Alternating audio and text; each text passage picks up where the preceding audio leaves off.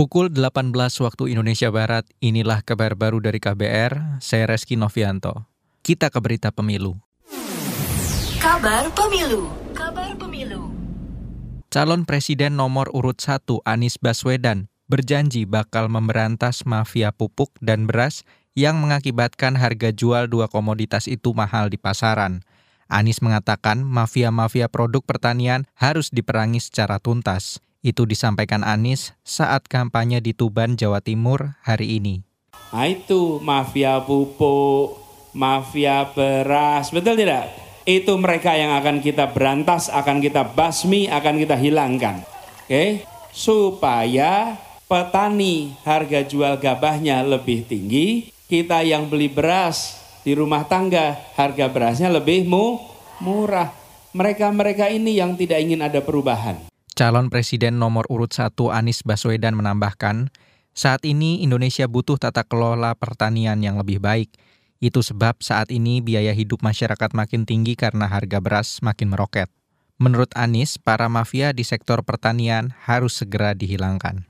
Masih terkait pemilu, Dewan Pengurus Pusat Partai Persatuan Pembangunan P3 tidak mempermasalahkan munculnya dukungan dari segelintir kader kepada pasangan Capres-Cawapres nomor urut 2 Prabowo Subianto Gibran Raka Buming Raka.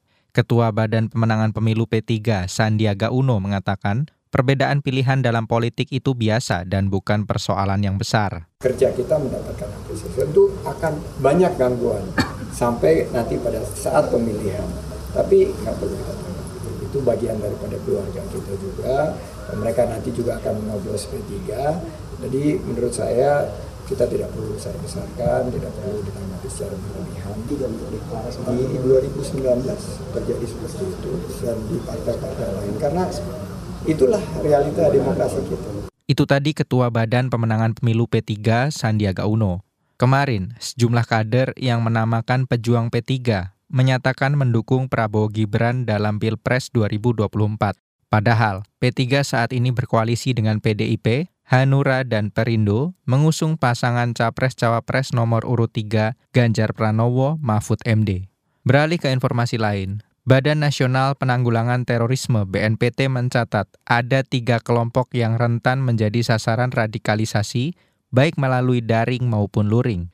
Kepala BNPT Riko Amelza Daniel mengatakan Tiga kelompok rentan itu adalah perempuan, remaja, dan anak. Tiga kelompok rentan ini menjadi target utama dari proses radikalisasi baik secara online maupun offline yang menghasilkan yang menghasilkan yang paling disebut dengan online radicalization menghasilkan self radicalization dan akhirnya menjadi lone wolf seperti itu. Kepala BNPT Riko Amel Zadanil menambahkan, fenomena radikalisasi pada kelompok rentan ini juga terjadi di jaringan internasional ia meminta kerjasama beberapa negara seperti negara-negara di ASEAN, Eropa, dan Amerika. Selain kerjasama internasional, BNPT juga sudah menyiapkan upaya penegakan hukum hingga pencegahan dengan kontraradikalisasi dan deradikalisasi.